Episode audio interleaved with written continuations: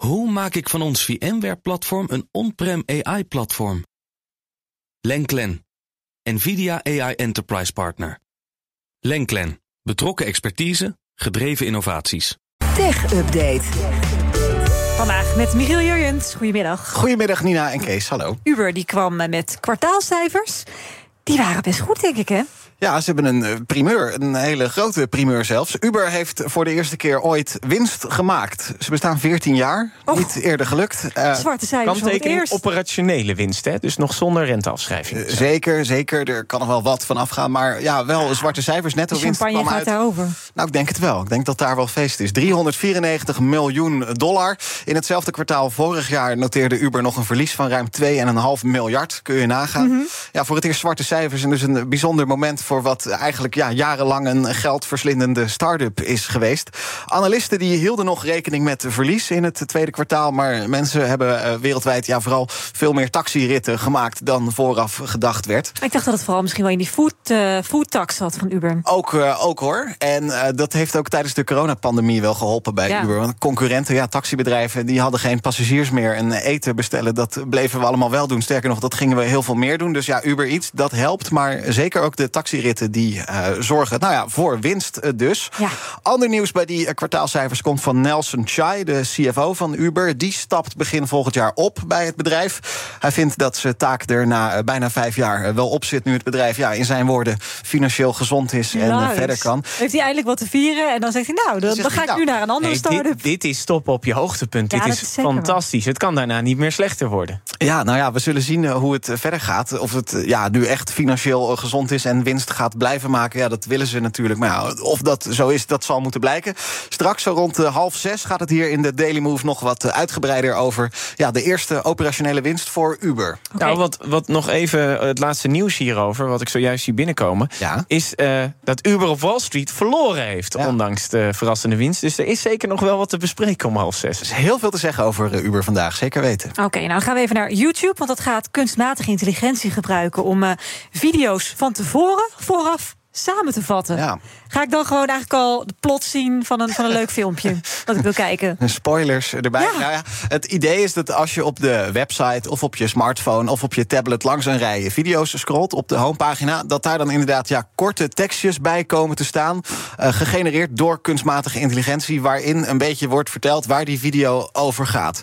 Dus dat je vooraf al een wat beter beeld hebt. Kijk, op dit moment je hebt wel die zogeheten thumbnails, dus zo'n klein plaatje dat al een beetje een idee geeft. Video's op YouTube hebben een titel, maar die worden gemaakt door de makers zelf. Dus vaak een beetje clickbait, irritant, veel hoofdlettergebruik. En dan kun je nog wel eens teleurgesteld worden uiteindelijk. Deze samenvattingen die gaan dan een stukje neutraler zijn, is het idee. Het staat allemaal nog in de kinderschoenen. Het is een test voor een kleine groep gebruikers. Ja. Het werkt ook alleen nog bij Engelstalige video's. Maar ja, als dit bevalt en de mensen vinden het fijn, dan kan het er op termijn toe leiden dat je homepagina met die video's er net wat anders uit gaat zien Ja, in de toekomst. Het gebeurt dus met kunstmatige intelligentie. Ja, Dat moet het natuurlijk nog leren. Dus eerst gaan daar de meest rare dingen staan over Ja. een filmpje... waar Dat- je geen touw aan vast kan knopen. Dat zou eh, heel goed kunnen. Ja, het, het is ook allemaal, het is ook in de testfase, maar het is op zich eh, interessant dat ze dit eh, proberen. Ja, ja, zeker.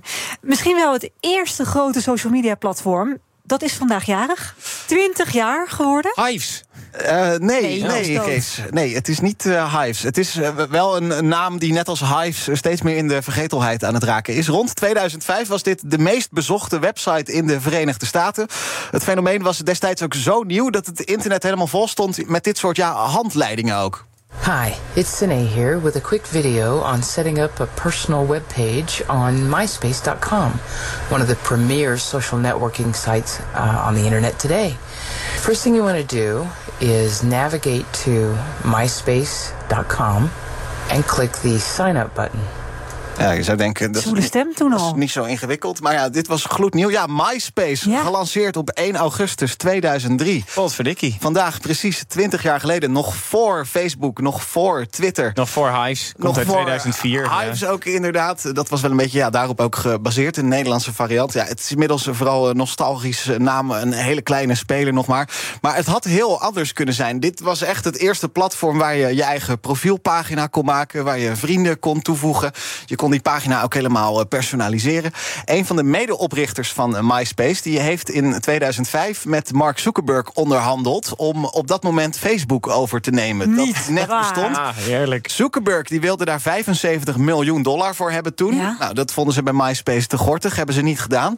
Spijt me. Maar hadden ze het maar gedaan. Ja, want nou, een paar jaar later, Facebook zou MySpace inhalen qua gebruikersaantallen. Het is echt steeds meer in de marge geraakt. Eh, alhoewel, MySpace werd in 2005 overgenomen door News Corp van Rupert Murdoch. Dus ja, die oprichters eh, die hebben daar echt wel goed geld aan verdiend Ja. destijds. Maar ja, zo populair als in de beginjaren is het nooit meer geworden. Het is echt voorbijgestreefd door de Facebooks, door de Twitters. Het bestaat nog wel. Dat wist Je- ik dus niet eens, dat het nog bestaat ja, nu. ja, nee, ja, je kunt gewoon nog naar myspace.com Heb jij eh, gaan. oude pagina nog van 2003? Nou ja, ik wilde dat aan jullie vragen. Ik was in 2003 8, dus ik was Ja, net, het kwam net te vroeg voor mij. Dus ik wilde het wel aan jullie vragen Nee. of jullie nog Ja, MySpace ik weet dat mijn hebben. jongere zusje, het, eh, ik was geloof ik, denk, ja, ik weet eigenlijk niet hoe oud ik was, maar eh, die Ja. heeft het net wel gehad. En ik ben meteen met Hives begonnen. Ah, ja. Jij, Kees? Ik heb eh, al mijn geld eh, op Hives gezet en dat is ook niet goed uitgepakt. Slechte investering geweest. Ja, nee, het bestaat nog steeds. Je kunt kijken, maar het is heel karig. Er gebeurt echt heel weinig. Ja, maar MySpace.com, het is er nog steeds. 20 jaar nu. Dankjewel, Michiel Jurens. De BNR Tech Update wordt mede mogelijk gemaakt door Lenklen. Lenklen. Betrokken expertise, gedreven resultaat. Hoe vergroot ik onze compute power zonder extra compute power? Lenklen. Hitachi Virtual Storage Partner. Lenklen. Betrokken expertise, gedreven innovaties.